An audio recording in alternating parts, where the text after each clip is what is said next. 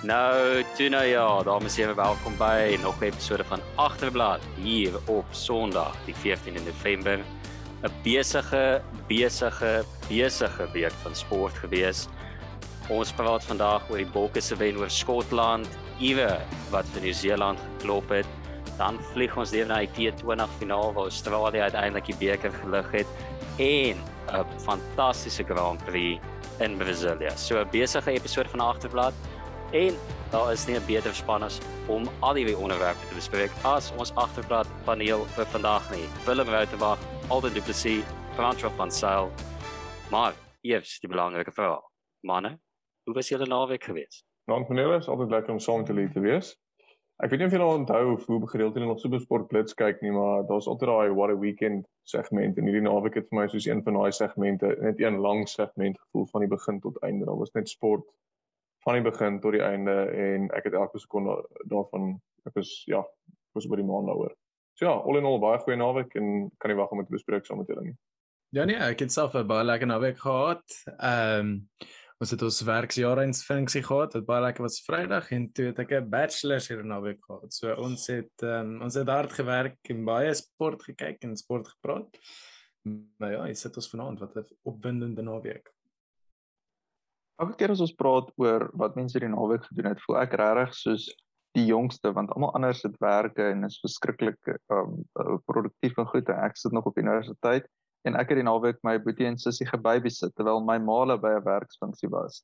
Um so, ek voel regtig soos die jongste een vanaand. ja, wel kyk, as op produktiwiteitsfront vir my ook die hele naweek het basies bestaan uit van ek het Saterdag gaan sit om die Bokke game te kyk en toe ek weer opkyk, toe is ons nou besig om die pot gooi op te neem. So ek weet nie mooi, dit was net basies sit, kyk sport en hier is ons weer. So algeheel in op die opsomming fantastiese naweek. Kom ons skop dit af met die bespreking met die nuutste nuus van die blad af. So soos ons gesê het, 'n propvol naweek van goeie rugby gewees. Ehm um, resultate oor die bord soos ons ons sal daarna raak nou nou by die bespreking. Suid-Afrika 30-15 teen Skotland gewen. Ierland van Nieu-Seeland 29-20 geklop en Engeland teen wie die Bokke volgende week uitdraf het 32-15 vir Australië geklop met Frankryk en Wales wat vandag op Sondag beide ook gewen het. Dan vinnig oor na die sokkerfront het ons nog 'n nuwe afrigter in die Premier League gekry met Liverpool legende Steven Gerrard wat van Rangers in Skotland oorgeskuif het dat hy in die posisie gevul het by Aston Villa in die Premier League wat nou half se groot toets gaan staan of hy gemaak is vir die liga met almal wat praat oor sy potensiaal om eendag vir Liverpool af te rig. Dan gaan ons aan na die T20 Wêreldbeker. Soos ons aan geraak het, Australië het uiteindelik vandag die trofee gelig, maar on, ons sal later by die bespreking van die finaal self kom. Ander resultate wat in die week gebeur het wat ons gekry het tot by die finaal en die twee semifinale het Nieu-Seeland vir Engeland geklop met 5 paaltjies oor met 'n uitstekende golfbeurt van Mitchell van Nieu-Seeland wat man, man of the match was dan verder het gunstelinge vir die toernooi later aan Pakistan teen Australië ook verloor met 5 paaltjies. Um groot kans in daai wedstryd gehad wat ons dalk vinnig gaan sal raak later maar Australië het die deur gedring na die finaal waar hulle toe nou uiteindelik vir Nieu-Seeland geklop het dan ook vinnig terug na internasionale sokker ons is tans op in 'n internasionale breek met wêreld beker kwalifikasie wedstryde wat plaasvind Bafana Bafana 1-0 vir Zimbabwe donderdag aand geklop om tot eerste in hulle groep se ranglys te gaan. En soos wat ons nou tans die potgooi opneem staan hulle ehm um, is hulle tans 1-0 agter teen Ghana op basis op halftyd in 'n wedstryd wat hulle moet wel 'n resultaat kry om deur te dring na die kwalifiserende wedstryd of die volgende ronde van kwalifiserende wedstryde. So ons sal kyk hoe die wedstryd vorder die loop van hierdie opneming. En dan net vinnig ook nuus buite of weg van die baan af in F1. Was er nog 'n kontroversiële naweek met Lewis Hamilton wat ehm um, Vrydag aand gediskwalifiseer is vir die kwalifikasie vir die sprint race wat die Saterdag plaasgevind het. Nou hulle bevind het dat sy agtervlek te wyd of bo die regulasies wyte oopgemaak het in die DRS sones op die baan. Dit veroorsaak dit dat hy laaste wegtrek in die sprint race die Saterdag en toe nou nog boonop 'n 5 plek uh penalty gehad het as gevolg van 'n engine part wat verander was. Nou, dit bring ons dan na die loskram en soos ons gesê het, goeie werk by die naweek gewees. Ons begin dan nou eers by die Bokke wat teen Skotland 30-15 gewen het soos ons genoem het. So ek sê graag net hoor wat het julle ouens gemaak van die wedstryd? Een dan ook met 'n oog op uh groter vyand Engeland teen ons dan nou volgende naweek te staan kom. Willem Okay, ek dink die wedstryd in Engeland was nog so van die begin af vir ons almal die die definierende wedstryd op die toer. Ek dink dis waarna toe alles bou en ek dink dit sal ook die wedstryd wees waar ons die minste rotasie uh sal speel. So ek verwag dat ons 'n span gaan speel wat wat baie na aan ons beste 15 gaan wees. Uh die wedstryd van hierdie naweek was vir my baie interessant. Dit was my maar 'n wedstryd van twee helftes. Ek dink ons het bietjie onervare manne in baie sleutelposisies gehad. Ehm um, ek dink Herschel Jantjies het baie gesukkel op 9 en dit het ons baie laat sukkel om bietjie, jy weet, bal op die voorvoet te kry. En ons ehm um, ons het daai helfte tegnies verloor 18, maar die tweede helfte toe ons meer eerste span spelers op is, het ons daai helfte dan nou 22-5 gewen. So ek dink dis 'n baie duidelike wil ek amper sê kontras tussen die twee helftes. En ag, dit is baie lekker om om Springbok rugby te kyk. Ek weet presies wat ek gaan kry. Ek weet almal in die wêreld klaar daaroor. Ek wag nog steeds vir my Ben Smith artikel waar hy gaan kla oor hoe die Springbokke net weer, jy weet, rugby doodmaak. Maar ons is net so goed in wat ons doen. Ons sê basies vir die span, luister, hier is presies hoe ons gaan speel. Jy weet wat ons gaan doen. Probeer om ons te stop. En tot dusver het ehm um, nog net eintlik Australië kon dit kon dit regkry. Baie interessante gesprek is ook. Ja, all in all is ek is ek baie gelukkig ek dink die Springbokke dit, voel vir my soos 'n uh, kar wat verskriklik lig is op brandstof en wat soort van dit kry jy oral en jy weet wat jy gaan kry en is baie betroubaar en jy hou daarvan want dis lekker om te bestuur want dit is lekker goedkoop maar hel dis nie opwindend om te bestuur nie. Um en ek dink dit is dit som al vir my gevoelens oor die Springbokke op. Ek dink die groot verskil buiten dat hulle so jantjies baie swak was in die eerste helfte vir my ook tussen die eerste en die tweede helfte is dat ons in die tweede helfte dink ek omtrent elke kickable penalty of 'n strafskop wat ons kon paal toe skop, paal toe geskop het. Um ek het gevoel die eerste helfte het ons omtrent net soveel oorheers. Ons was seker vir die eerste 16 minute was ons 15 minute in hulle 22 gewees. En ons het net die die punte wat ons kon geskop het, paal toe geskop nie. Um en elke keer lyn toe gegaan, kon nie oorkom nie. Um en ek dink dit het ons half bietjie bietjie geknou. Ja, kyk, jy weet nou noem is 'n uh, goedkoop motor om te ry tot maar dit kry jy daar. Ek weet nie of enige motor nou staan met hoe petrolpryse staan goedkoop is net wenig. En ek dink ook dit was 'n goedkoop wen vir ons gewees soos wat baie mense verwag nie. Ja, ek stem saam grootliks met wat julle ouens gesê het. Um ek dink met die Shell Yankees, ek dink mense is maar vinnig half om op om te klim. Ek dink mense vergeet soms dat die ouens nog jonk is.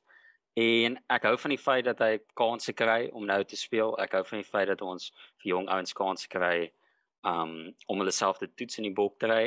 Ek weet nie of hy noodwendig reg is nie. Ons het laasweek al gepraat. Ek dink daar was 'n duidelik verskil toe nog op die veld gekom het in vergelyking met die Yankees. Ek dink die bal was baie vinniger. Um uit die losgemale uit. Ek dink die hangtyd met die skopwerk was op baie meer baie meer akkuraat met sy skopwerk nog ook. Um ek dit is half 'n mute point tussen hulle want ons almal weet as Faf terugkom gaan hy direk weer in die line-up in maar ek dink ons sien net um baie meer met Reinag in daai posisie. Ek ek dink met Herschel ook wat vir my bietjie frustrerend is en hoekom ek deels ook simpatie met hom het. Is dit voel vir my baie keer die Springbok afrigters, ons het hierdie goeie game plan en ons weet presies hoe ons gaan speel, maar ek voel tot 'n mate moet die game plan ook aanpas vir die spelers wat op die dag speel want Israel Jantjies byvoorbeeld sy box kicks is nie goed nie. Hy skop nie goed van die buis af soos Faf de Klerk nie. En dit voel my as jy vir Israel Jantjies speel dan moet jy jou spelpatroon 'n bietjie aanpas want hy is nie goed in daai spelpatroon nie. Of jy moet dan iemand kies wat goed is in daai spelpatroon as jy dit wil speel. Want jy vat al 'n ou wat ander sterkpunte het, dan sit jy hom in 'n stelsel wat nie sy sterkpunte beklemtoon nie. En dan sê of teleurgestel dat hy nie goed is daarin nie. Wat vir my so half is dit hom ook in 'n moeilike posisie dink ek. Ja, ek sê sommer ek dink dit raak af van wat ons al week op week sê as die bok speel. Ek dink ons is baie meer soos jy sê al 'n die span is sentreer rondom die stelsel in plaas van die spelers. Was baie meer rolvervulling wat plaasvind in plaas wat dit is van ouens wat half hulle talente of vry vloeiende rugby speel. Ek wil hoor wat julle te gedink het. Jy het geraak aan die begin van die wedstryd bietjie teen die resep ons gewoonlik meer gaan gegaan in die sin dat ons het geweier om Paul te skop. Um ek het al vir 'n oomblik gedink dit was 'n Skalkberger Memorial Classic kapteinskap uh rond te vir die bokke gewees met. Lyk like my niemand was Saterdag Paul te skop nie. So ek weet nie of Skalkberger 'n woord of twee gehad het met al die kapteine nie, maar baie dele gemaak met die feit dat ons so aggressief uit die blokke uitgekom het en het ons 'n probleem met finishing wanneer ons half in die opponente se 22 inkom. Ek ek dink die Springbokke het hierdie naweek of hierdie wedstryd teen Skotland bietjie meer gesien as hulle eksperimentele wedstryd. In die sin van as jy gaan kyk na die ander twee wedstryde teen Wales en teen Engeland, dit gaan moeiliker wedstryde wees en dit is wedstryde waar ek is 99% seker as ons daai strafskoppe gekry het, sou Kolisie uh vir Pollard gevra het om Paul toe te skop. Ek glo Pollard sal volgende week begin. Ek dink teen Skotland het die hele plan was om 'n bietjie meer eksperimenteel te speel om juist daai tipe aanvallende spel te oefen. Want as ons in 'n situasie kom waar ons miskien 15 punte agter is met 15 minute oor, kan ons nie bale toe gaan nie, dan moet ons daai goeters doen. En dis amper ons is tot 'n mate 'n slagoffer van ons eie sukses want ons is bitter min in 'n posisie waar ons eintlik 'n wedstryd chase. En ek dink dis dalk iets wat ons probeer simuleer het tot 'n mate. En ehm um, en ek dink Herschel is eintlik ideaal vir so 'n tipe setup. So ek hoor dat ons is uh, ek stem saam ons het 'n baie sistemiese manier van speel, maar ek dink die hele manier as jy gaan kyk na daai span, dit is hoe die span baie keer lyk in die laaste 10 minute van 'n wedstryd met Elton jantjies wat opkom met Herschel jantjies wat opkom. En dit is eintlik wat my bekommer het van Herschel, is die feit dat ons 'n tipe spel probeer speel het waar hy in moet goed kan funksioneer as 'n impakspeler wat ek dink op die ouene van die dag soos jy ook nou genoem het Faf is maar die natuurlike 9. So as Herschel ooit speel is dit maar die laaste 10 minute daarvan. En as hy nie goed kan fun funksioneer in 'n in 'n span waar die hele span probeer aanval en speel nie en ek verstaan ons is nie noodwendig so ervare daarmee nie. Dit het my bietjie bekommer. En op hierdie oomblik voel dit vir my ek ek weet daar's 'n great speler in Herschel. Ek het geen twyfel uh dat dat hy 'n ongelooflike speler is nie, maar op hierdie oomblik kan ek net nie sien hoe as Faf Reinagh en Herschel al drie fiks is dat dat dat Faf en en Reinagh nie in die span gaan wees nie.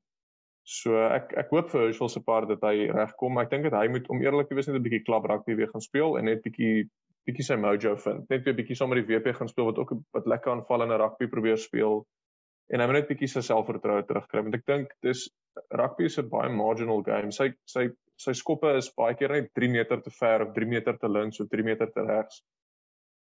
En dit is dink ek net 'n selfvertroue ding.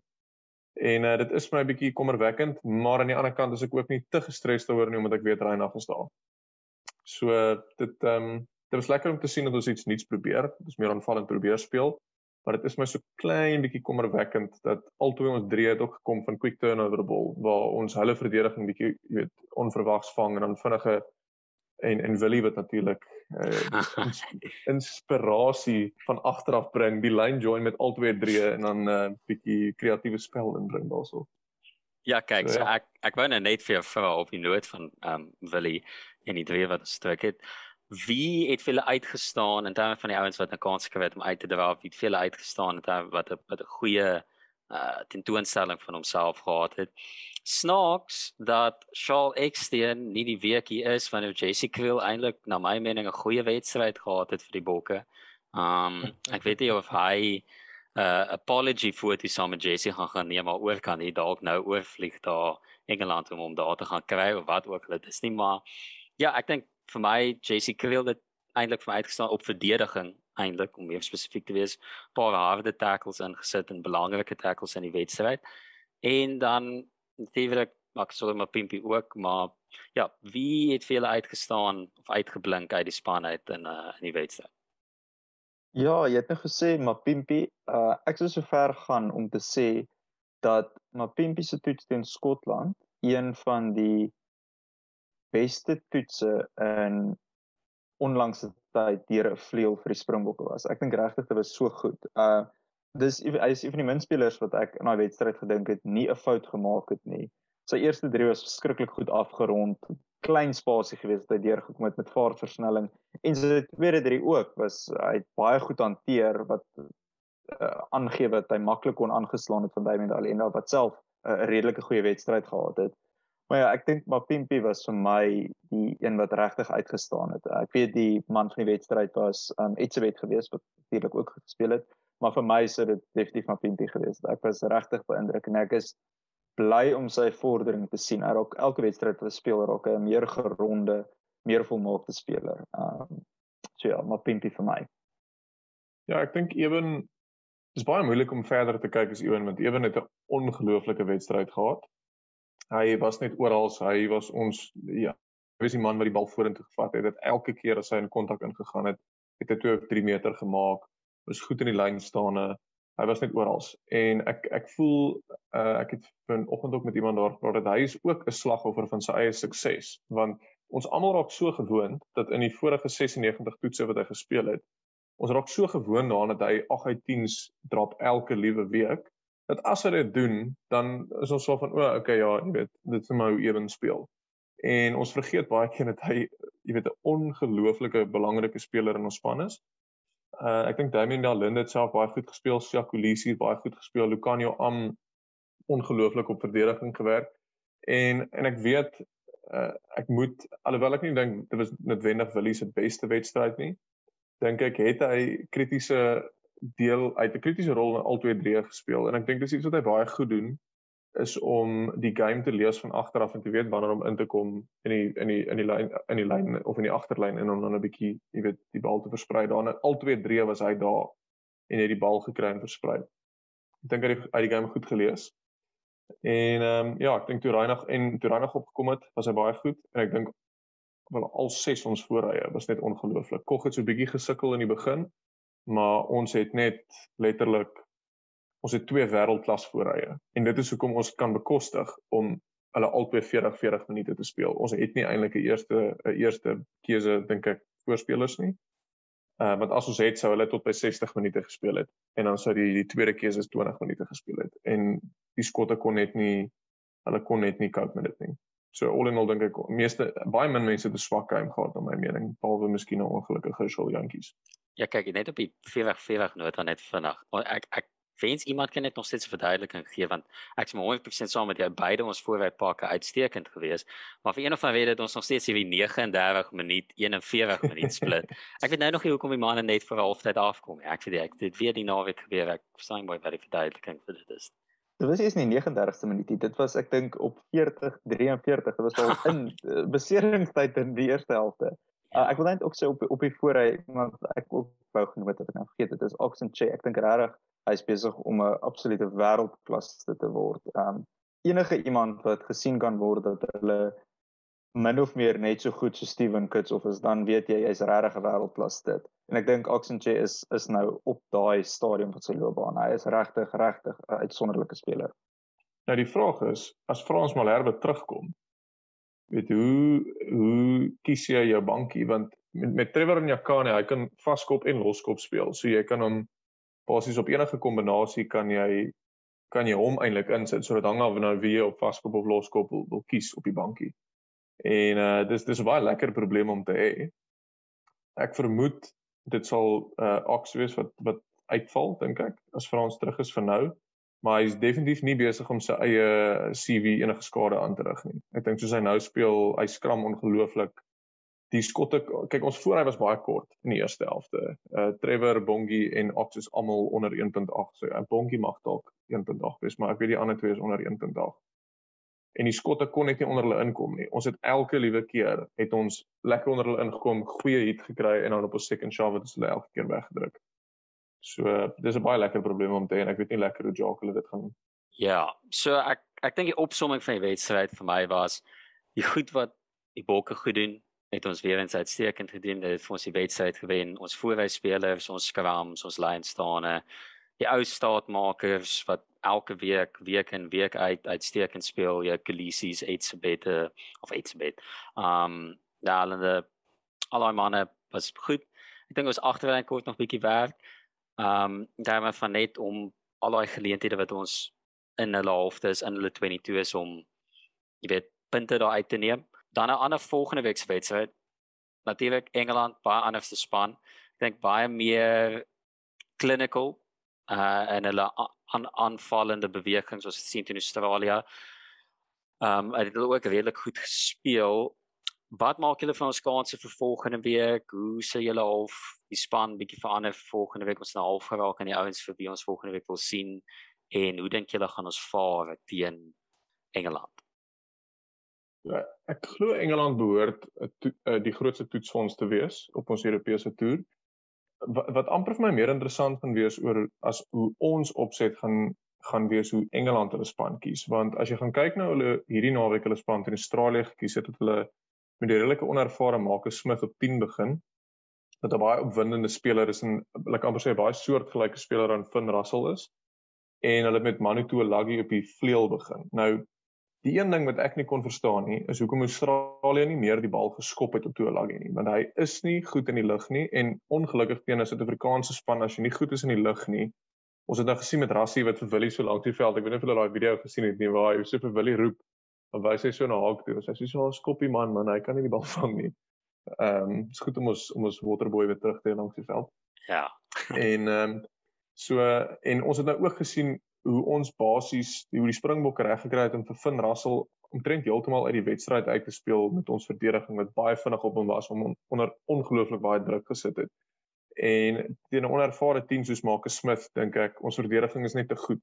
Ek dink hy gaan sukkel, so ek wonder of hulle nie dalk weer vir Owen Farrell op 10 sal kies, vir Toe Laggie sal inskuif 12 toe en dan vleuel sal kies wat wat beter in die lug is nie, want dink as hulle nie dit doen nie is is hoe ons gaan speel baie wil ek amper sê voor die hand liggend. Ons gaan baie wil ek amper sê 2019 wêreldbeker rugby speel. Ons gaan die bal op hulle vleuel skop, ons gaan druk op hulle sit en dis hoe die Springbok speel. Ons gaan nooit terug nie. Ons hou aan deur die fases bou en ons sien ons is nie besig om enigstens vorentoe te gaan nie. Skop ons op hulle swakste wil ek amper sê lugspeler.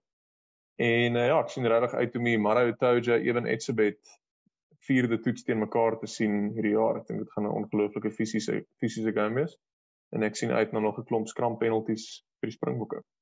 Ja, ek dink ons gaan hierdie naweek wen. Ek dink ek is baie positief daaroor want hoe dit vir my voel is die Bokke daag meer op vir die groot wedstryde partykeer as wat hulle vir die klein wedstryde opdaag. Soos teen Nieu-Seeland ook het ek gevoel ons baie beter gespeel teen Australië. Ek dink dit gaan soort van dieselfde wees. En dan ek dink ou Eddie Jones is nou so gefrustreerd van teen die Bokke speel. Ehm uh, dat hy miskien maar 'n paar uh, recruits daar van Engeland se ou kolonies af in Nieu-Seeland en Australië af moet intrek om vir Engeland 'n beter kans te gee. Nou, ons het gesien Engeland hou daarvan om 'n uh, paar manne van die kolonies af in te trek. Uh so ja, ek is baie positief. Ek dink volgende week gaan ons beste ehm um, vertoning op die toer wees. Ek dink regtig die ouens gaan op is vir dit. Uh so ek sien baie uit om die wedstryd te kyk. Okay, dan aan die ander wedstryd wat plaas van die naweek wat uitgestaan het, soveel as wat ek nou van 'n bokke wen hou, kan ons die stryd uit wedstryd van die naweek Ierland en Nieu-Seeland was nie uitstekende rugby gewees. Um 'n taai wedstryd, great atmosfeer. En ja, ek dink dit is altyd lekker om te sien as Nieu-Seeland verloor. Veral ek dink dit is altyd 'n goeie atmosfeer as hulle teen hierdie noordelike hemisfeer um spanne speel. So ek vind vinnig oor wat hulle gemaak het van die wedstryd en ja, wat hoe hulle gedink het Engeland, ag, Ierland teen uh, Nieu-Seeland gespeel het. So dit was vir my definitief die wedstryd van die naweek. Ek het dit ongelooflik baie geniet. Dit is my regtig lekker om te sien as 'n span van Nieu-Seeland uh, regtig net smash. Eh, Ierland het letterlik binne 120 km/h uit die blokke uitgekom en dit nooit hulle het net nooit opgehou nie ek was uh, skrikkerig halftyd en ek het gedink hierdie is nou 'n classic New Zealand wedstryd. Hulle hulle vreet al die druk op die hele eerste helfte en dan in hierdie oomblikke wat niemand verwag nie gaan druk hulle net 'n 3 en dit het twee keer gebeur in daai wedstryd ook. New Zealand moes in haar eerste helfte meer as 150 duikslae maak. Nou, ek het probeer kyk of ek kan sien of daar 'n wedstryd was wat meer duikslae in een helfte gehad het. Ek kon dit nie kry nie. Maar ek vermoed dit is definitief een van die wedstryde met die hoogste aantal duikslae in die in die eerste helfte. Iets wat vir my uitgestaan het wat ek dink meer en meer gebeur, is ek dink Nieu-Seeland se manier van speel word 'n bietjie uitgefigure. Nou ons almal weet Nieu-Seeland is baie goed op die aanval. Hulle is en dis baie keer hoe hulle verdedig ook, is hulle hou net die bal en hulle is 30 punte voor jou en jy verloor hoop en jy kan nie gaan nie. hoe hulle verdedig is hulle sprei baie vinnig uit oor die die wyte van die veld. En so hulle is nie noodwendig so tight so rondom die losgemaal nie.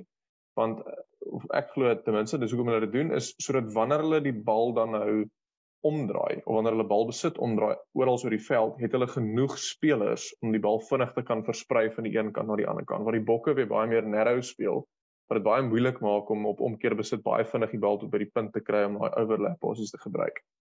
Maar die probleem, as jy so vinnig probeer uitspreek op die verdediging, is jou momentum van jou spelers is altyd 'n bietjie weier ehm um, voor hulle set. En dit vat hulle omtrent so 3 sekondes om te set. So wat Ierland ongelooflik goed gedoen het, En as mens die highlights weer gaan kyk, hulle het net keer op keer op keer het hulle ehm um, hulle flanke en hulle slotte laat binne 2 sekondes basies vanaf die losgemaal gevorm het net reguit langs die losgemaal afgehardloop. Want dit is presies wanneer Nieu-Seeland so 'n bietjie begin, is in daai vreemde tyd waar hulle nog nie geset is nie, hulle is op pad uit en dan is hulle bietjie van balans af en die Ire het net heeltyd opgehamer. Ja, dis so die dis dis so Ierland ja, maar ek nou, so dis vir Ierland se uh, was dit hulle tweede drie dit was ook hulle nommer 6 vir Deef gebruik het op daai tipe lyn van spel. Presies ja. dit. Ja, dis ja. dis presies dit. En dit was my baie lekker om te sien en is iets wat ek gesien het die Springbokke ook probeer het uh, teen hulle en redelik reg gekry maar dit was my baie meer duidelik in hierdie in hierdie Ierland wedstryd. En ehm um, ja, en ek hou baie van Ierland se manier in die agterlyn speel. Hulle wil baie keer stof hoe hulle ouens omloop heeltyd en hulle die bal verskriklik vinnig kan versprei en Nieu-Seeland dis baie moeilik om dit te lees want hulle klomp forward pods wat oral langs die lyn af staan baie keer. So jy weet nooit wat se pod gaan dit vat en kontak maak en ingaan nie. So dis baie moeilik om hulle te verdedig. So ek sou ek sou eintlik dit verskriklik geniet het as die Bokke ook teen die Ire gespeel het om self daai taktiese wedstryd te sien. En dit is net vir my jammer, maar ek het jog, dit was my dit is my definitief seker een van die beste toetse wat ek in die afgelope jaar jaar en 'n half gekyk het. Ierland het my 'n bietjie laat stres in die eerste helfte want ek het heeltyd gevoel hulle speel so goed totdat hulle in die 5 meter lyn van Nieu-Seeland kom en dan is dit al PD PD PD PD pick up and drive van die forwards net heeltyd om hy losgemaal en dit het my gevoel hulle het klomp kansse verspil daarin. Ek was regtig bang dat as jy nie daai kansse teen die All Blacks vat nie, die All Blacks éventueel hulle self gaan regruk en dan sou dit nag wees. Maar dit was een van die swakste toetse wat ek gesien het van die All Blacks in nogal 'n lang tyd. Hulle het vir my gevoel vir groot dele dat hulle omtrent glad nie in die wedstryd was nie en dan al teen die verloop van spel 'n 3 gaan druk het deur een of ander fluke ding wat gebeur het. Ehm um, iets wat vir my interessant was van daai wedstryd en of bietjie in die Springbokke ook. Dit voel vir my tot 'n mate asof rugby bietjie verander van waar jy nie tot op die 5 meter kom en dan volgehoue druk toepas en dan druk nie. Dit gevoel asof dit meer van omgekeerde balbesit was, speel vinnig wyd en gaan druk. Ehm um, wat ek dink Ierland se direk dink al hulle dreef was ook omtrent van buite die 22 af wat dit begin het. Dis nie jy speel of territory en dan gaan druk jy ehm um, soos die Springbokke baie gespeel het uh, vorige jare nie. Uh, so ek dink dis nogal iets interessant om dop te hou. Ehm um, dit voel my so spanne 'n bietjie of daai Trailan fever kry 5 meter van die doellyn af en nie gaan hulle natuurlike sterkpunte toe nie want soos Willem gesê het Ierland se agterlyn is magies omtrent.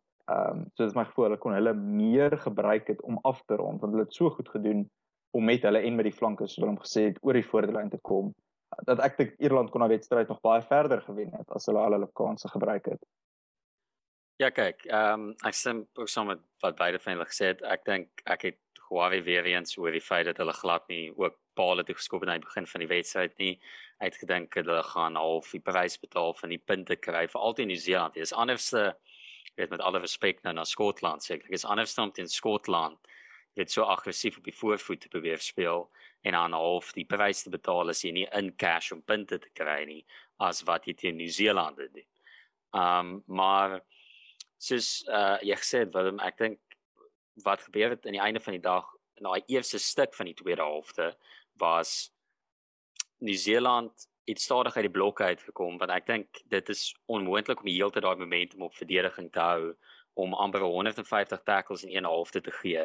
Hulle verdediging was uitstekend, moenie 'n fout maak jy op daai 5 meter in daai 5 meter lyn tot op die uh try line was uitstekend, maar dit was half amper soos 'n dam waar wat half stukkie stukkie toe kraak het en toe bars deur en hulle het goed gedoen om die wedstryd weer naby te kry. Ek dink na die tweede drie van Ierland, het ek al gedink okay, weet wat na daar was se drie okay. Ek dink dit gaan half nou hulle gaan nou al regter af met dit.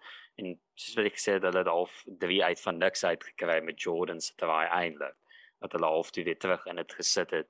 Maar ek was beïndruk met hoe physical Ierland hulle eintlik gespeel het. Want ek dink soveel as wat jy ook sê dis um verdediging wat jy ook moeg maar ek dink om heeltyd seker houe te vat in daai spasie en daar was 'n paar halfdag of is waar ouens voel vir my soos 'n omdat hulle nie kon pick up and drive en hy terwyl ouens so 20 meter run up geval om die bal te kry te probeer inwars en hulle kon net nie deur beweeg nie. En um ja ek dink dit was 'n uitstekende resultaat vir ek wil sê vir wêreldrak wees soos ek sê is altyd lekker as die All Blacks verloor. Okay, dit bring ons dan nou na die ander Nieu-Seeland internasionale span, die cricketspan, dieselfde eindresultaat gekry het. Voordat ons by die finaal begin, altyd wil jy vir ons een of twee sinne gee van wat jy gemaak het van die twee semifinaal wedstryde net opsommende wyse hoe jy dink die twee spanne in die finaal gekom het, wat uitgestaan het, wat dalk daar gebeur het voordat ons nou in na die finaal ingaan. So ek dink wat die semifinale vir ons gewys het is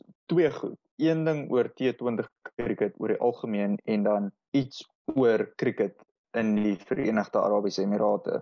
Eerstens oor T20 cricket, ek dink dit het vir ons gewys dat T20 verskriklik onvoorspelbaar is en dat baie selde die beste span 'n T20 toernooi wen.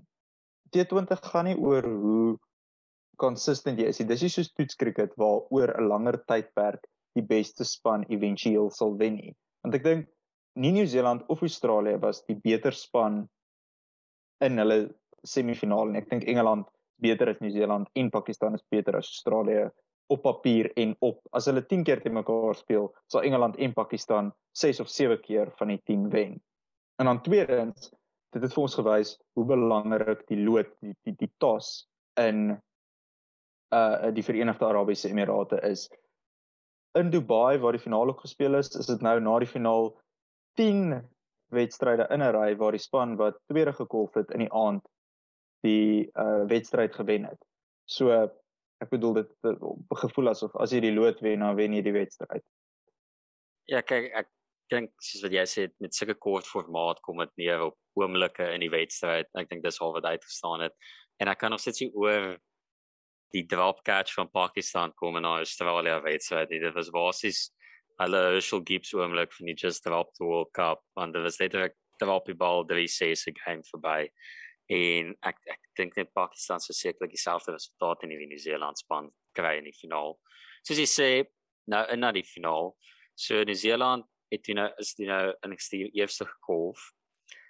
Dink jy waar en wat se twee van die uh waar dink jy het hulle half die wedstryd verloor? Is te min lopies aangeteken op um, op die grond om te kan verdedig of dink jy hulle bowlers het half nie hulle kant van die van die bargain gebring in die fine? Want dit is nou nog 'n ons sê die altyd dit dit New Zealand begin nou die cricket span voel al vir hierdie generasie as die of die Neverly Rams. Hulle kom heeltyd in die finale, hulle is altyd daar en hulle vat die juiste trofee huis in die buite die toetskampioenskap wat hulle gewen. Ja, so ek moet sê vir ons luisteraars, so min as wat ek van Nieu-Seeland se rugby hou, so baie hou ek van hulle cricketspan. Ehm um, ek het vandag gevoel uh soos 'n uh, Cape Crusader, die manne hierso van die Kaap by die Crusaders ondersteun. toe die Crusaders 42-10 teen die Stormers verloor het op Nieuweland en Pieter Grant 27 punte gekry het. Askie Pieter Grant. Wow. Ja, okay. springbok materiaal. Ehm um, Maar maar ja, dit was ek het regtig gehoop, regtig gehoop vandag is Nieu-Seeland se dag. En dit was net nie meant to be nie. Um ek dink hulle wat hulle gekos het is hulle was baie stadig in hulle kragspel en hulle power play in die begin. Um nie Gaptel Gaptel kon nie wegkom nie, het verskriklik stadig gekolf en Daryl Mitchell wat soort van heeltyd vir hulle momentum gegee het aan die begin, is vroeg uit en toe het hulle half gesit met Capital en Williamson, Williamson wat ongelooflik was, regtig otherworldly. Um en Capital wat beskiklik gesukkel het, maar Williamson wat ook stadig begin en dit het al die momentum uitgesuig in die eerste 10 balbeurte. Hulle kon net nie wegkom nie. Toe toe Capital uit is, toe kom uh Glenn Phillips in wat ook nie 'n baie goeie toernooi gehad het die hele toernooi nie. Hy het 'n vreeslike reputasie as iemand wat klaarblyklik die bal baie ver slaan. Ehm um, ons het dit nie gesien hierdie toernooi nie. Um, en hy het natuurlik hulle hulle die hele tyd ja. met die aanval. Hulle het altyd gesê hulle het die meeste sesse in die hele jaar al die goed en toe gaan hulle net net 4 in die toernooi tot dis vir ja. ja. Hy hy, hy het natuurlik 'n Suid-Afrikaanse koneksie, so dit help jy nie 'n uitklopwedstryd nie. Ja. Ehm um, ja, so ek dink dit was 'n groot probleem. Dis moeilik om te verdedig op daai veld. Niemand kon verdedig nie. Dit jy ideaal gesproke sou New Zealand 180 selfs 190 moes kry om te verdedig op daai veld. Ek dink in die hele kompetisie op in Dubai het die laaste 5 balbeurte op uh op op gemiddeld teen meer as 12 lopies per balbeurt gegaan. So verstaan uh, op gemiddeld het 'n span 60 punt uh, 60 lopies in die laaste 5 balbeurte elke wedstryd gekry wat dit so so so moeilik maak om daar te verdedig. So dis moeilik om vir hulle bowlers die skuld te gee. Australië het natuurlik ook goed gespeel. Ja, so dit was maar net moeilik geweest. So in daai fase van die wedstryd sou jy Venetium ingestuur het. Um om al momentum aan die ander kant van die crease op te kry. Want voel vir my William Williamson was daar en half tempo probeer opstoot en aan die ander kant was daar iemand wat hom juist ondersteun het. So sê jy hom en ja. pas met Philipson. Definitief ek dink ook omdat met Conway wat op die stupidste manier ooit sy hand gebreek het. Simpel. Ehm um, ja, het het jy nie net vir die luisteraars inlig hoe hy sy sy hand gebreek het. Ja, so Devin Conway is uit in die semifinaal en toe het hy eh, seker ook omdat hy Suid-Afrikaanse koneksie het in 'n uitloopronde besluit om sy kolf met sy hand te slaan en toe ah, breek hy sy pinkie en hy's 'n paltjiewagter so met 'n gebreekte pinkie is dit nogal moeilik om te speel. So toe hy Kikobaru Kikobaru ba dink ek. Wat ja, wat se brand? ja, ja. dis uitstekend vir hulle branding ek moet sê. Dis stewige kolwe wat hulle ehm um, en toe ja toe, so so toe hulle nie 'n linkshandige kolwer in die middelorde gehad nie wat regtig baie belangrik is in T20 cricket. Ons het gesien met uit 'n goed wonder en maar saamgekolf het dat jy daai links-regshandige kombinasie het. So met dit in ag geneem, so ek definitief of 'n Nisham of selfs 'n Mitchell Santner ingestuur het. Ek kon vir Santner ingestuur het, hoe gesê het, ehm uh, gaan vat die game aan. Uh, Adam Zampa het skrikkelik goed gebal vir Australië, uh, hulle bybreek bowler. Sê vir hom gaan vat hom aan as jy 3 sesse slaan in 'n balbeurt van Adam Zampa, dan het ons al die momentum en dan ehm um, dan dan vat ons dit van daar af as jy uitgaan vir 2 is dit alraai. Uh, ek dink hulle was bietjie konservatief amper soos wat die Proteas was teen Bangladesh. Hulle moes hulle plan bietjie aangepas het by die situasie om om die beste uit te kry. So ons het nou weer T20 Wêreldbeker in 'n volgende jaar in Australië. sien jy meer van dieselfde omtrent met so vinnige omkeer in hy volgende toernooi of dink jy van die ander spanne wat half ander perform het, die Indias van die wêreld? so 'n bietjie meer daardeur deurbraak maak in hy later fases. Ek dink dit is uh, wat ek geleer het hierdie toernooi is regtig onmoontlik om te sê elke span wat ek voorspel het goed gaan doen het uitgeval. Uh, Jy's die enigste een van ons wat iemand voorspel het wat die finaal gemaak het en jy het dit gedoen op 'n mooi hulle tweede kits is.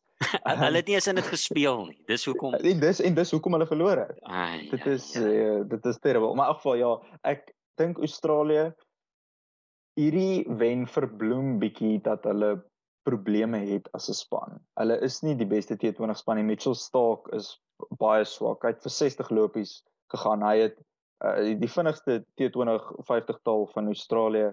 Ehm um, die rekord was gehou deur David Warner en Glenn Maxwell wat op 18 balle gevat het en Mitchell Stark het by hulle by aangesluit deur 18 uh, deur 50 lopies en 3 balbeurte of 18 balle af te staan. Ehm um, so ja, die ehm um, ek dink dit is moeilik om te voorspel Australië het probleme in hulle span. Ek dink nie hulle is die beste T20 span in die wêreld nie. Ek dink Engeland gaan ook 'n goeie kans hê met die volgende wêreldbeker. Ja. So ek dink algemeen algeheel gewys verbaas in die ou end van die dag dat Australië toe die beker gelig het natuurlik vir Proteas. Enigste wedstryd wat ons verloor het was teen die wêreldkampioene. So dit behoort goed te doen op hulle Twitterblad. En dit vat ons dan na die F1 vir die naweek. Baie dramatiese naweek van begin tot einde. Daar was amper meer drama af van die baan as wat daar op die baan was met Lewis Hamilton soos ons gesê het by die nuus van die blad af gediskwalifiseer was uh van Vrydag se kwalifikasie Max Verstappen het bietjie te vatterig geraak aan die Mercedes motor en dit het hom 50000 euro gekos en die tyd wat ons nou weer pot gooi opneem net na die resies word Lewis Hamilton gewoon versoek as gevolg van die feit dat hy sy seatbelt te vroeg afgehaal het in die cool down lap wat sekerlik vir hom ook 'n paar ponde gaan kos. Maar gelukkig het die die resies opgelewe na al die drama en hype op die baan ook. Uitstekende Grand Prix in Brazil gewees met Lewis Hamilton wat nou al hierdie goed af van die baan af oorkom het en wegstap het met die wen wat weer eens die kampioenskap swaai met drie weesies so oor 13 punte die gap. En nou is dit weer eens enige van die twee sin om te vat. François, wat het jy gemaak van die naweek en die weesies vandag?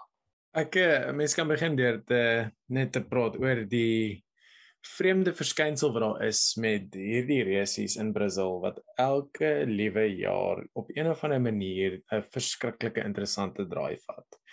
Ek weet nie of dit is omdat dit aan die einde van die jaar is nie. Ek weet nie of dit is omdat daar iets hier rondom daai baan aangaan wat ons nie kan verduidelik nie. Maar dit is altyd pret om te kyk. En ehm um, ja, dit was glad nie 'n uitsondering op die reël gewees nie. Ehm um, en dit was definitief 'n redelike groot afwagting in my opinie van van almal in die F1 gemeenskap afgewees tot ehm um, om te sien hoe hierdie naweek gaan uitspeel. Ehm um, soos wat jy gesê het, dit was glad nie Lewis Hamilton se naweek gewees om te presteer nie en aan die einde van die dag het hy weggestap by die nommer 1 posisie, so ek hom uit af vir hom. Dit gee vir my as 'n Hamilton fan 'n bietjie hoop want dit het maar droewig gegaan na die Mexico nederlaag uh, verlede week. En ja, uh, ek dink ons 3 races oor en exciting tye. Um, sure, ek voel of hulle het eintlik amper niks anders gewys as uh, Hamilton en Verstappen wat teen mekaar gery het nie, maar dit was dit was so naby gewees konstant. Ek dink dit was hier meer as 50 laps wat uh, Hamilton agter Verstappen gesit het en ehm um, yes, dit was dit was ongelooflike goeie draai van Lewis gewees. Ja, ons het ek dink Saterdag het hy uitgeblink in die sprint wesies om homself 'n kans te gee in die groot wesies Sondag. En as ons dit van die begin af vat, ja, soos jy sê, ek dink ouens het Saterdag aand halfvol begin celebrate, gedink Loos gaan dalk die kampioenskap verloor, dis die einde van dit. Ek het natuurlik teruggesit en gedink ek het dit al te veel kere gedink kom ons kyk eers wat gebeur. En toe op een of ander manier was dit weer #blessed sonderdag gewees. Hy het uitstekend uit die blokke uitgespring verstappen ook ehm um, net vinnig as ons kyk na daai eerste stuk van die resies ek dink daar's 'n rede hoekom Walter Bottas sy werk gaan verloor ek dink hulle het al gehoop dat hy hulle terughou en toe binne twee draaie is hy van eerste na derde en ja. Loos het gevlieg deur die park na 9 laps die safety car uitkom toe hardloop hy in derde. Ehm um, baie die gemaak van sy eerste stint en dan en hy feit dat hulle toe vir die ander kat gegaan het op die hards en waar hy uitgekom het sy posisie daar. Ja, ek ehm um, natuurlik die die heel eerste die heel eerste 10 laps van die races was was uitmuntend geweest. Ehm um, dit was asof hy in 'n ander formule gery het eh, teenoor die die res van die veld. Hy het absoluut net deur hulle gesny. Um verskriklike verskriklike goeie moves gemaak op al die drywers. Ek dink dit was um op 'n Ferrari gewees op Carlos Sainz of Leclerc wat hy ook 'n verskriklike goeie late braking hmm. move in die Leclerc ja. eerste draai ingemaak het en uh ek het gesit in die resies om my pa gekyk en ek het vir hom gesê kom moeilikheid want hierdie ou is aangeswitch soos wat ek nie dink ons maar hierdie seisoen gesien het nie. Ja. Ehm um, dit was hy uh, hy het sy kop neergesit en gewerk en daar is nie eers 'n geklaar hy op die op die ehm um, radio na die span te gewees nie so hard het hy ou gewerk so dan weet jy. Maar ehm um, ja, nee, die eerste die, die eerste 10 laps was goed met die safety cars en alles. Ehm um, het dit definitief 'n geleentheid vir hom geskep om bietjie op te vang ek het dit baie interessant gevind om te sien dat uh die twee Red Bulls op 'n manier um met al twee safety cars tussen 3 en uh wel tussen 2 en 3 tiendes gemaak het op Hamilton. So ek sou graag nog wil hoor wat gesê was na die tyd. Um in terme van dit en dan um Ja, daar's uh, in die middelste gedeelte van die van die wedren het Lewis nogal gesukkel op die mediums en op haar eerste stel van die hards. Ehm um, ek dink hulle het 'n fout ja, gemaak met die sweet. met die met die hoe hulle hom uitgebring het net agter Ricardo want hy het vinnig ja. ingehaal op hom en toe Ricardo het eintlik gekeer dat hy toe met die eerste stint eintlik vir Verstappen kon Ja. verbysteek was hy was hy verbaas dat Verstappen toe met die ander kant op die tweede sets gegaan het. Um en dat Ek- hulle Lewis so laat ingestuur het. Die wou nie genoeg op lap 44 ingestuur het vir sy tweede. Ja. Ek eh, ek was nogal verbaas dat hulle vir Verstappen so vroeg ingestuur het. Ek dink hulle kon hom nog 'n bietjie uitgehou het en ek dink as hulle het vir hom 'n bietjie tyd op daai bande gegee het, sou hy waarskynlik hopelik uh, uh, uh vir hom ten minste 'n groter gap kon bou en miskien 'n kans gehad het om teen die einde van die wedren te uh te verdedig, maar daar iets het gebeur na na Hamilton se tweede pitstop wat net uh, dit was dit was duidelik dat hy besig is om te jag en um dit was my opvallend geweest hoe uh daar was 'n insident geweest vir die wat nie gekyk het nie waar um Hamilton 'n kans gehad het probeer verbyvat het Verstappen het hom uh, blykbaar nie ons kan nog daaroor gesels um afgedruk van die baan af hulle is albei af uh, vir 'n stukkie geweest dan weer terug opgekom.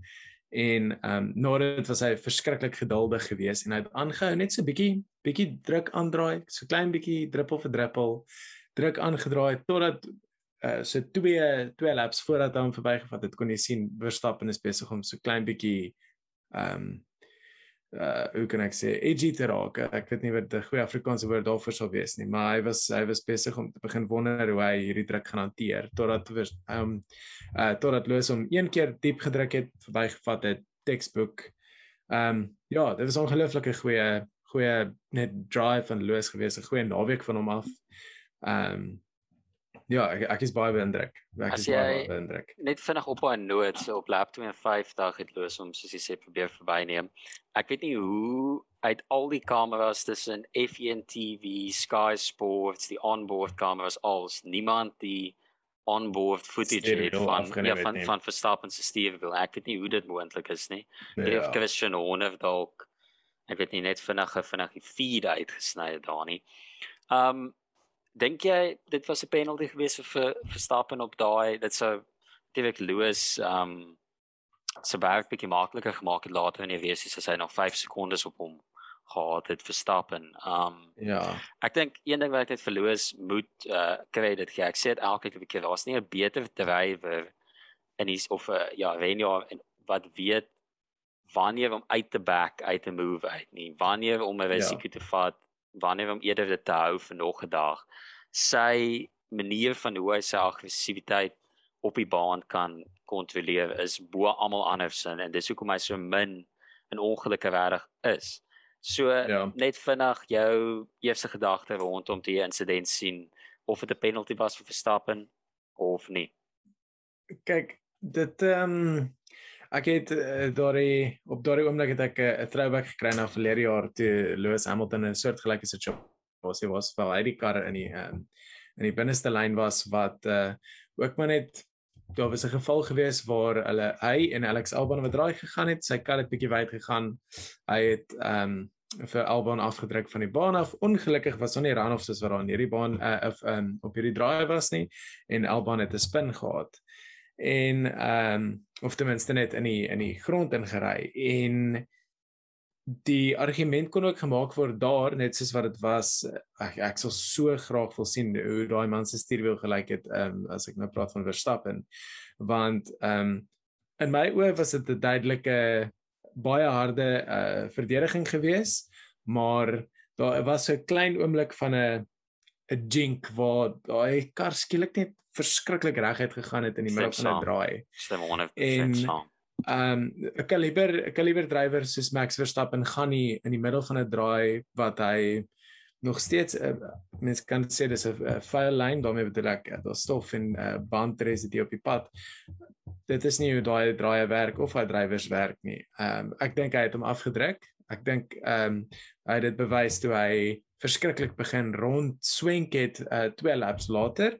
Yep. Hy moes waarskynlik 'n penalty gekry het, maar ek dink dit sou wegvat van Hamilton se wen af op die einde van die dag en ek dink um ja, dit was 'n moeilike besluit vir die Stewards geweest. In die groter prentjie waarskynlik 'n beter besluit, maar dit los ook op die deur oop vir um, vir onveilige gedrag om miskien nie genoeg gestraf te word nie want dit kan vinnig eskaleer in 'n hoë druk situasie soos hier. Ja, dis ek stem saam. Die probleem is jy skep al vir president met wat hy beboet en wat hy nie beboet nie en na my ja. mening ook um Lewis sê Senius was eerste in die draai en Verstappen het toe nog later op die brieke gegaan en hy was half om die draai uit die grip gehad aan die binnekant en toe ewe skielik toe gaan die kar toe hou dit net op draai vir so 'n split sekonde en dis toe nee. Lewis toe na regs te beweeg. Ek dink ehm um, nie meer as 'n 5 sekonde penalty nie, maar jy kan dit vir twee goed gedoen het. Jy kan dit of as hy het nie 'n kar ehm um, buite spasie gelos. Yes of hy kon sê hy het 'n advantage off of the track gekry en hulle kon vir hom gevra het om die posisie terug te gee. Want soos wat hulle gesê het in die onderhoude na die tyd vir Christian Horner, maar wat was die advantage wat hy gekry het? En toe dink ek dis antwoord hulle vir hom terug te sê wel die advantage was die feit dat hy voor gebly het. So. Ehm um, ja. dit was my snaaks het hulle gesê dit was baie so Senna vandag Lewis. Dink Verstappen was half meer so Senna met sy aggressiewe taktiek.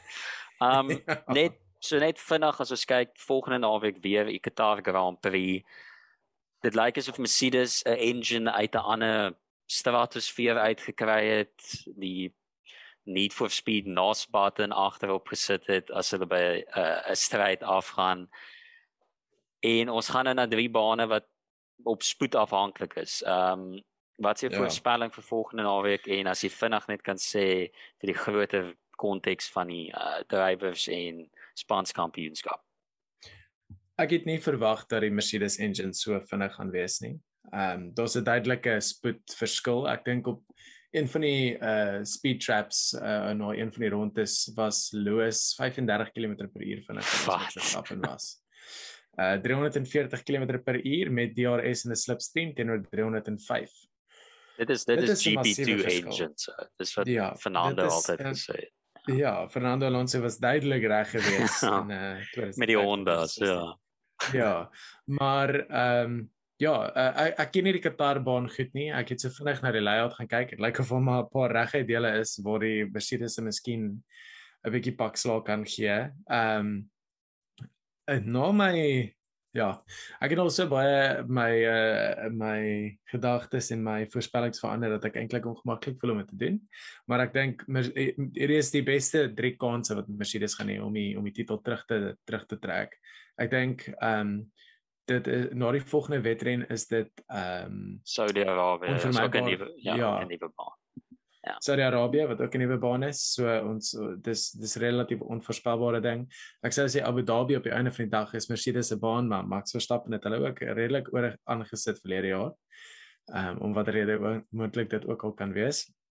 So ja, ek dink dit gaan interessant wees. Ek dink dit gaan tot op die nippertjie gaan en in Abu Dhabi gaan die championship regtig besluit word.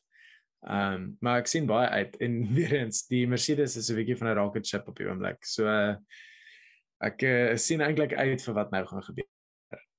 Ja, so uh, ek dink ons sit nou weer met momentum swaai na hulle kant toe. Soos ek sê half uit nervens uit kom hierdie ehm um, verskriklike spoed boost wat hulle gekry het. Daar sal teen toe 'n betogings ja. wees reg die week van Red Bull se kant af oor dit. En ja, uh, vir Red Bull dink ek hulle sal dit na my mening is die beste wat hulle vir kan hoop is twee twee die plekke op die nuwe bane en dan in na die laaste races met 'n 1 punt gap en dan gooi jy dit maar af in die lug op of mens moet kyk na Mercedes se reliability probleme maar Lewis het ook 'n fast engine agter. So soos jy sê, uitstekende fase van die kampioenskap en ek dink vir die groter konteks was vandag 'n goeie resultaat om dit naby ja. te hou tot die einde. So, ja, ja, ekskuus, ek wil net gou uh, nog 'n laaste ding noem voordat ons aangaan. Ehm um, wat jy gesê het oor die betoginge wat waarskynlik hierdie week gaan aankom en so aan.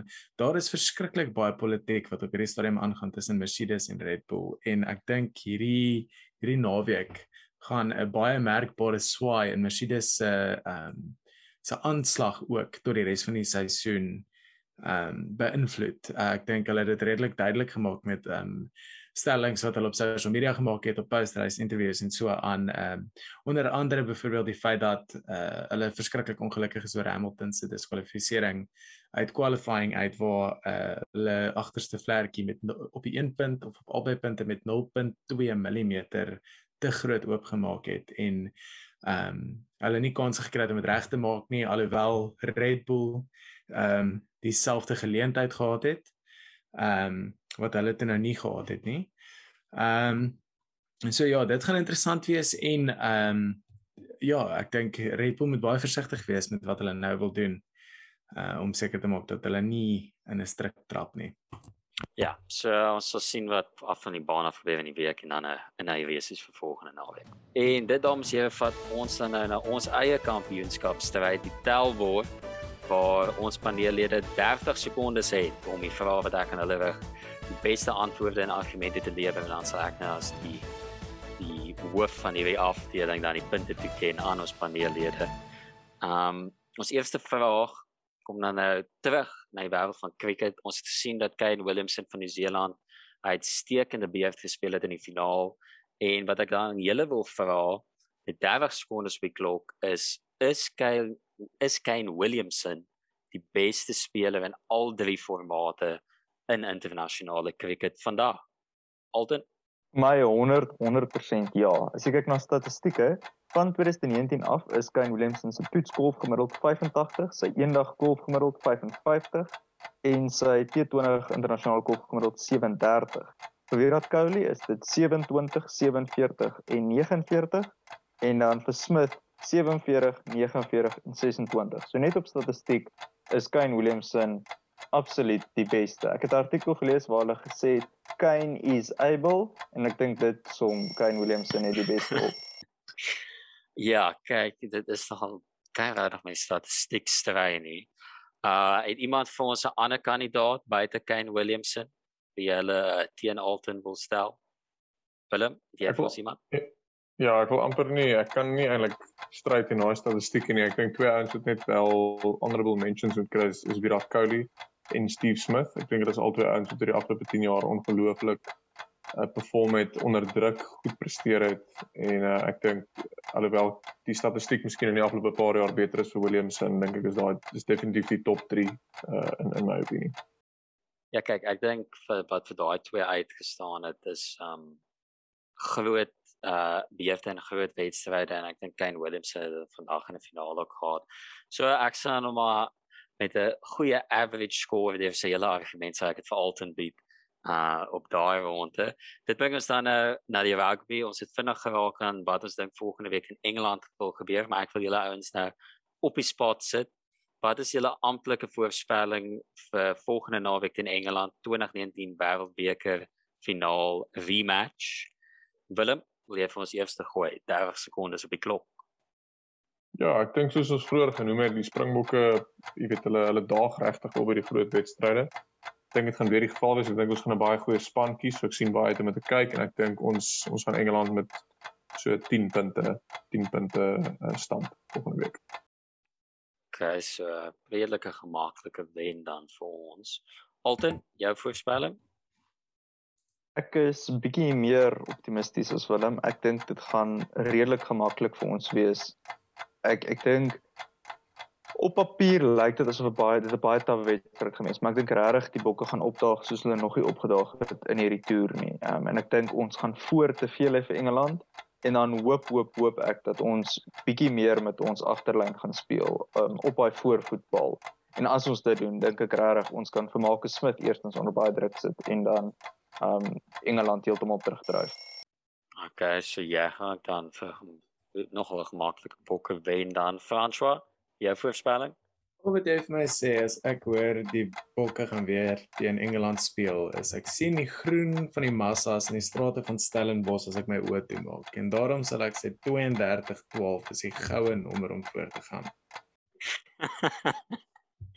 okay, daai uh ek moet sê ek ek dink julle al drie baie goeie argumente gelewer enigstens as mense mense gaan in Engeland wen is dit baie goed maar mens kan altyd 'n 32 12 waardeer so ek sê dit vir François Vaai en gee ehm um, dan nou laastens gaan ons na die F1 wêreld. Soos ons sê, Lewis Hamilton is op trend meer af van die baan af doen die naweek is op die baan.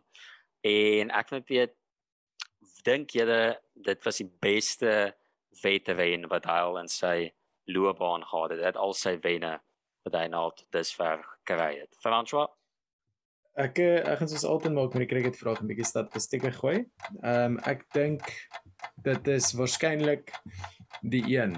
Ehm um, dis baie eenvoudig. Pole position in, quali in qualifying P20 by die um, begin van die sprintreis na sy diskwalifisering van daar af P5 nog 'n penalty P10 wen die reis.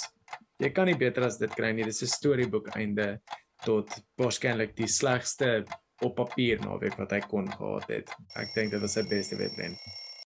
Okay, ja, dit ek sou sê dit is definitief 'n volle naweek. Jy waarskynlik die beste naweek wat hy gehad het. Alton, jy vir ons 'n uh, kandidaat, uh, F1 ervare kenner wat vir ons hier kandidaat het. Loos. Uh, ja, ja, ek het ek het ek het nou maar so 'n bietjie gaan oplees. Ek ek ken nie Loos se loopbaan so goed nie. Ehm um, toe ek nou maar gaan kyk na, na die geskiedenis. En iets wat my uitgestaan het hierdie naweek is dat dit nog 'n explosive um vertoning was deur Loos en dan die enigste een wat dit natuurlik kan top is Maleisië in in 2016 so ek stop in, in die ring gooi. Ja. Ja. Okay, wel kyk, um daar mag dalk ek wil nou nie jy weet agter die skerms ingaan met agterblad nie, maar daar mag dalk inside of a collusion gewees het op daai antwoord van 'n sekere seremoniemeester wat vir altyd opgesit om daai uh, kandidaat te gee. Ehm um, kyk ek wou nou net groepsdruk wat jy daar toepas om met jou rooi narre lanklaas gewen het. Ek sê maar net. Ehm um, ja kyk ek wou sê 'n kandidaat sou dalk wees Hongarye in 20 sien dan dink ek Bielmet was 2019 so ongeveer Grand Prix waar hy vir Max Verstappen ingehaal het. Um uh laat gestop het in die in die in die Grand Prix en basies ek dink 20 laps uh kwalifikasieringspace gehad het werk die WWC's. Um kyk, soveel as wat ek graag altens se uh, antwoord die punte wil toeken So ek nou maar die naweek nie te mean spirited wees teenoor Lewis nie en dan vir Frans wat ek punt gee. Die maximum punte is, is waarmee Lewis ook weggestaf het. En dan ja. dames en here bring dit na agterbladsye sal van hoe ons hoek van helde waar ons ons sporthelde van die week uitwys. Um wie vir ons die grootste uitgeblink het in die voorafgaande week van sport. So ek wil by julle manne hoor, wie was julle held van die week? Okay, so my held van die week is uh die afrigter van Bafana Bafana. Ek dink ten spyte van die feit dat dit lyk so hulle nie gaan kwalifiseer nie, het hy fantastiese werk gedoen. Um en ek dink die hy gaan bietjie onder die ouens invlieg na vanaand, so hulle mag dalk 'n uh, bietjie broos voel. Um so ja, Hugo Broos is my Ai. held van die week. okay, goeie kandidaat. Uh, Ja, yes. ek sal eh, in plek van dat ek nou die die obvious groot charge hom van Lewis Hamilton uh, wat van 10de na eerste gespring het, dink ek jy held van die week met miskien um, in die Formule 1 wêreld Lando Norris wees wat gespring het van 20ste uh, nadat hy in uh, ek dink dit was in die eerste 5 laps 'n puncture ag, hoor my nou 5 laps in die eerste 200 meter 'n puncture gekry het ehm um, wat terugkom het van 20ste af 'n lap agter tot en met 'n 10de in die laaste punt gegryp het. Ek dink is redelik 'n uh, uh, baie baie baie goeie reis van hom af ook gewees wat bietjie weggeraak het in al die chaos wat gebeur het. Ja, ek dink uh, soos jy genoem het, ek dink meeste met die kameras so gefokus op Lewis en Max, vergeet mense soms van ja, nou is wat ook goeie Grand Prix gehad het. Willem, die vir ons kandidaat Ja, ek dink my kandidaat is 'n span, is die die Ierse rugby span. Ek dink dit is 'n ongelooflike wedstryd en ons het vroeër 'n bietjie daaroor gepraat ook. Maar ek dink hulle het regtig dit ehm um, dit was nie eens naby nie en dis min dat 'n wedstryd teen Nieu-Seeland nie nie naby is nie. So hulle hulle is definitief my my 23 helde helde van die week. Ja, ek dink op op daai noot ek dink ek sê dit ook maar by rugby. Ek sê dit heel waarskynlik ehm um, vir Ebenezer se bet hier soos ons voor gepraat het uh Willems is wat ek dink ek dink dis al so 'n verwagting dat hy so goed speel dat mense eintlik altyd vir hom al die prys gee wat hy verdien wanneer hy performances soos die naweek se hmm. insit nie. En dit dames en here bring dan vir ons tot by die eindvlekkie wat blaas. Ons tree dan 'n beseringstyd in. So wat ek dan by julle manne wil hoor is waarna moet ons uitsien in die week van sport wat voorlê? Ek dink die eerste ding waarna ons kan uitsien en dit is gelukkig dat jy nou hierdie vraag vra want die nuus het nou net hier uitgekom. Ehm um, is al die memes wat weer eens op sosiale media gaan wees oor ehm um, en ek kan klaar vir jou sê dit gaan 'n waterpolo speler wees met 'n bottel water wat in die middel van 'n swembad die water oor sy kop uitgooi want uh, Lewis Hamilton se fine is sopas besluit vir sy uh, seatbelt infringement en dit is 5000 euro. Oh, hoe gaan hy herstel? Hoe gaan hy ooit herstel? Hoe hy finansiëel gaan cope met hierdie ongelooflike groot fine wat hulle vir hom gegee het nie. Ehm um, so ja, dit is definitief iets wat ek nou call en ek sal terugrapporteer volgende week. OK, goed. Alten Ek sien baie uit vir volgende Saterdag. Die Premier League keer terug en ons gaan sien hoe Crystal Palace verder teen die tellbord opklim. Hulle behoort in die top 8 te wees nou volgende naweek. So ek sal volgende naweek my kaartjies begin boek vir die Europese avontuur en dan sal ek terugrapporteer. Ja, kyk, jy sê met dalk inbel en hoor of jy daai kaartjies Qatar toe kan dalk inruil vir ek weet nie Budapest of een of ander vreemde land wanneer jy in die Conference League volgende jaar speel. Uh so as vinnig begin boek aan dit. Willem? Ja, een ding wat ek nou uitsien wat eintlik hele week gaan wees is die ATP World Tour Finals. So dis basies waar die top 8 tennisspelers in die wêreld in 'n toernooi te mekaar speel. Dis hoë klas tennis uh, elke dag. Dis gewoonlik die wedstryde wat jy is in die semifinaal en die finaal, daai tipe wedstryde wat jy sien. En hier sien jy dit nou op 'n daaglikse basis. So dis altyd baie lekker om te kyk en ek sien uit om elke aand so 'n bietjie 'n bietjie van daai tennis te kyk. Ja, dan uh laastens vir my vroeër het genoem, um ek sien baie uit na volgende week Saterdag se games direk in Boek in Engeland game. Maar veral interessant is vandaal op die Frankryk New Zealand game wat die aand gebeur. Dit is interessant om te sien hoe die All Blacks, jy weet, kan hulle terugkom van die naweek se nederlaag en hoe goed Frankryk nou werklik waar is voordat hulle nou 2 jaar van nou af die toernooi in hulle eie agtertuin hou. En dit dames en here is dit. Ek sê baie dankie vir ons paneellede en vir julle eh wat geluister het na besige episode van Agterblad vir wonderlike week van sport. Julle kan ons sosiale media blaaie vind op Instagram, Twitter, Facebook. Instagram en Twitter is dit @agterblad.co en dan op Facebook net Agterblad en dan natuurlik ook op Marula Media. Dis dan al van ons kant af tot volgende week. Tot ziens.